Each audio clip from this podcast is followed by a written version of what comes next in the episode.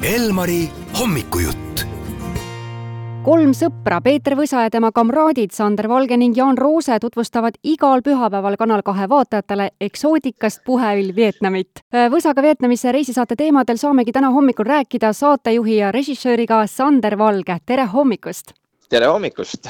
No sinuga telefonis suheldes ei tea kunagi, kuhu kanti kõne satub, et oled sa Dubaist tagasi kodumaale jõudnud? jaa, kuule, vastab täitsa tõele, olen äh, kodumaal ja tegelikult äh, täitsa Tallinnas. kaua sa seal Vietnamis, kaua te seal olite, et äh, saatematerjal kokku saada?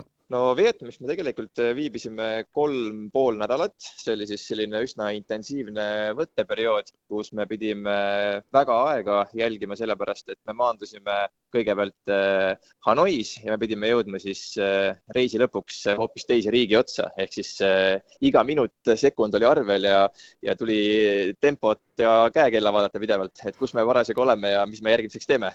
kas oli ka selliseid vabu päevi, noh, selliseid, et sarja ei tooda? Või, või ei, ei saanud võttagi sellist aega?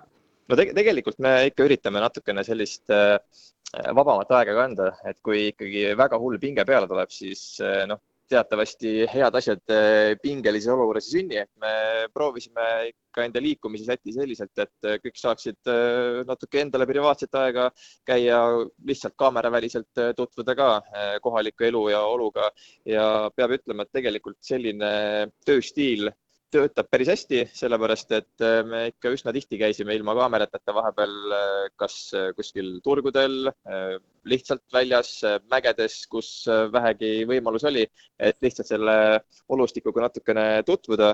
Ja hiljem siis need kõik teadmised kaamera ees edasi anda ma arvan, et see on selles mõttes täitsa oluline ja võib-olla hea nipp kõigile, kes äh, lähevad äh, ka sõpradega kuskile reisile.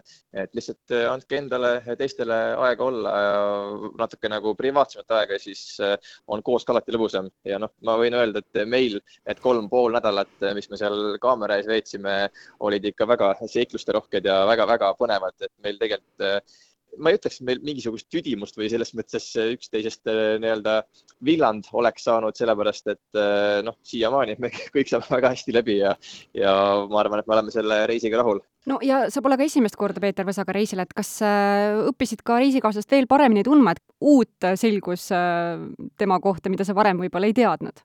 No ma sain äh, pigem kinnitust sellele, et äh, selle mehe sõnavara on äh, alati selles mõttes tasemel ja pole olukorda, kus ta ei, ei suudaks midagi huvitavat lisada, sellepärast et kõik see, mis tuleb Peetri suust, on puhas kuld ja ma isegi vahepeal seal kaamera ees või kaamera taga kratsin kukast, et huvitav, kuskohast nüüd see, see tuli. mis on Vietnami kui reisi sihtkoha kaks plussi ja kaks miinust?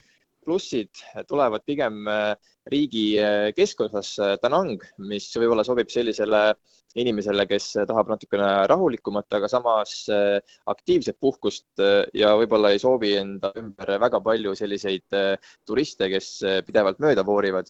ehk siis tegelikult väga odav on riigi keskosas Danangis ma võin öelda näiteks äh, kuuesaja euroga. Äh, tänasel päeval on võimalik seal väga hästi hakkama saada, saada endale kahe-kolmetoalise korteri kuuks ajaks ilusti, võid väljas äh, söömas käia mitu korda päevas ja võid isegi rannas endale massööri palgata, kes teeb sulle siis Oho. sobival hetkel massaaži. et selles mõttes, et see jah, et elu on seal ikkagi väga soodne ja see on just siis nii-öelda riigi keskosas Tanangis, kus on pilt ilusad liivarannad, aga miinustest võib-olla klassikalisele Euroopa inimesele võib-olla liiga palju rahvast ja, ja see kultuur võib-olla tänavatel vastuvaatav selline mustus on võib-olla ehmatav esmapilgul, aga noh, öeldakse, et see silm harjub äh, kõigega, et äh, pärast kolme nädalat äh, ma arvan, oli natuke isegi imelik tulla Eestisse, et siin on nii puhas ja ilus kas nüüd siis toidupoes ka, kui ringi liigud, et puuvilju näed, et see on natuke harjumatu ka, et pead ise valima, et keegi ei, ei hõika, ei, ei soovita ananassi ikkagi osta?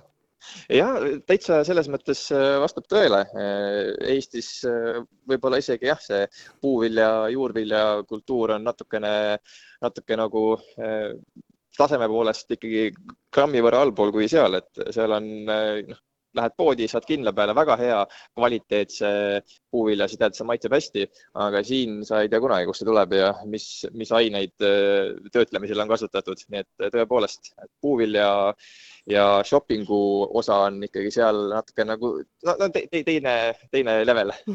no tundub, et riideid peab ka ikka rohkem kaasa pakkima, nagu me sealt saatest nägime, jah. Just, just, et ei, ei ole mõtet minna ainult äh, pikkade pükste ja kampsuniga sobivaid riideid ka, jah, nagu sealt teisest episoodist oli näha, on üsna raske leida äh, avaldasite ka Instagramis pettuskeemide topi, et meenub sulle ehk praegu sealt top loetelust midagi, mis sind ennast äh, reisiselina väga üllatas? mind isiklikult väga ei äh, üllatanud või võib-olla jah, pigem see, et seal on just viimastel aastatel on levinud see, et kui sa taksoga sõidad nende liivataksodega, et nad lukustavad sind autosse ja noh, ennem välja lase, kui sa oled ära maksnud või siis äh, viivadki kuskile täitsa suvalisse kohta paar kvartalit edasi, et see on natuke nagu keerulisem. aga muud, ma arvan, et äh, iga natukenegi äh, reisinud inimene või kellel silmaring on törts avaram, saab sellega ilusti hakkama ja, ja suudab need ohud ette näha, et noh, midagi nagu selles mõttes väga hullu ei ole. Äh, ikkagi ei tähendab ei ja keegi sulle otseselt nagu seal väga peale pressima ei hakka petuskeemidega. sina oled see osav, kes ka selle saate kokku monteeris, et kindlasti on midagi ka sellist, mida saatesse ei mahtunud, aga nüüd ikka tagantjärele on naljakas meenutada. seda materjali meil kokku, ma arvan, kahe kaamera peale julgelt üle kolmesaja tunni. Nii et äh, sealt andis valida, aga kui ma nüüd mõtlen, mis võib-olla mis nagu saatesse koheselt ei mahtunud, oli see, kui me olime siis äh, Tanangis ja, ja oli vist äh, selline olukord, kui tänaval täpselt kõrval siis äh, müüdi ka neid puuvilju, olid ananassid, kookosed, kõik asjad. Ja ühe, ühe siis kookose hind oli äkki vist sada tuhat ongi, see on noh, tegelikult on päris soodne, aga Jaan, äh, tema on siis selline nagu ekstreemsem äh, noormees, tema ütles, et noh, tema ei ole nagu nõus seda sadat tuhandet maksma. tema lihtsalt ronis äh, paar meetrit eemale kookospuu otsa, ilus roheline suur kookospall, keeras selle alla ja viskas meile siis ilusti sinna joomiseks, nii et jälle sada tuhat kokku hoitud. Nii et selliseid spontaanseid otsuseid sündis ka pidevalt, et kellelgi mõte tekkis ja siis kohe teostasite? jah, me oleme üldiselt äh, suutnud äh, enda sellised reiside tegemised äh, hoida selliselt, et me väga palju ka kohapeal genereerime et noh, mingisugune kindel plaan peab paigas olema, aga tegelikult selline hea asi on alati sündinud seal kõikide peade koostöös. kas me näeme veel midagi ekstreemsemat kui see, et minna tänavale ja lõigata endale uus soeng? Oo oh jaa, meil tuleb seal äh, väga ekstreemne öörongisõit, äh, kus äh, saime siis tunda vaguni kupee töötajate ülemvõimu, meil mhm. lülitati konditsioneer välja siis äh, me läksime, see oli jah, oli jälle kuskil riigi keskosas ühte vaatamisväärsest vaatama ja pidime pileti hinna maksma sada nelikümmend eurot ühe inimese kohta. Ja tulemus mitte midagi, et seal sai ka päris palju nalja. nii et äh, on, on, mida oodata ja tegelikult äh, saab seal näha veel väga eksootilisi maoveini valmistamisi, saame näha ujuval saarel ringreisi. Ehk siis tegelikult seda elu ja kultuuri tuleb ikka väga-väga palju, sest et noh, meil tegelikult ju alles nüüd läheb neljas episood eetrisse ja kümme episoodi on kokku, nii et reis pole veel poole pealgi. jaa. Äh, Vietnam on tuntud väga heade söökide poolest ka, et kas seal reisikaaslastel ka kujunes mõni lemmiktoit või jook välja, noh, võib-olla midagi, mis äh, neile nagu maitses? Ma arvan, me üsna palju konsumeerisime selliseid äh, teravamaid toite ja noh, nii, nii nagu ma võin öelda, et äh, Peetrile väga-väga meeldis äh, käia turgudel ja oh neid lõputuid puuviljakorve ja kott, kotte, mis ta tassis hotelli, neid oli tõesti palju, nii et alati, kui Peetri ukse peale koputasime, et aega minna, siis mees istus laua taga ja no siis kas siis ananassi, draakoni puuvilja, mida iganes et eh, temal oli jah, ikka väga, väga, väga, väga selline tegus puuvilja nosimise reis. no tänast saadet jääme ka juba huviga ootama, et nägin sotsiaalmeedias vihjet ka, et lähete teevanni.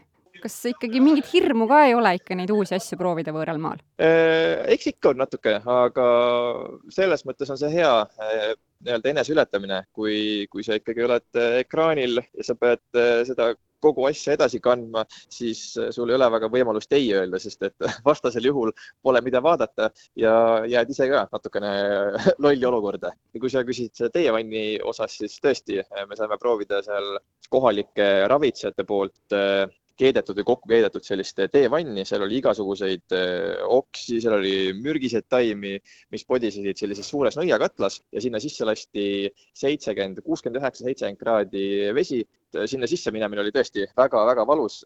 tunne oli selline nagu jalalt ja kätelt igasugused äh, karvad naharakud, kõik, kõik, kõik kooruks maha.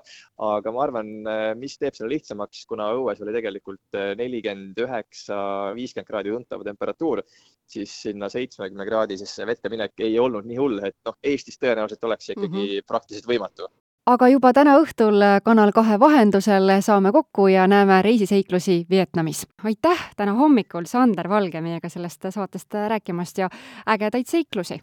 ja aitäh sulle helistamast ja ilusat äh, päeva jätku sullegi!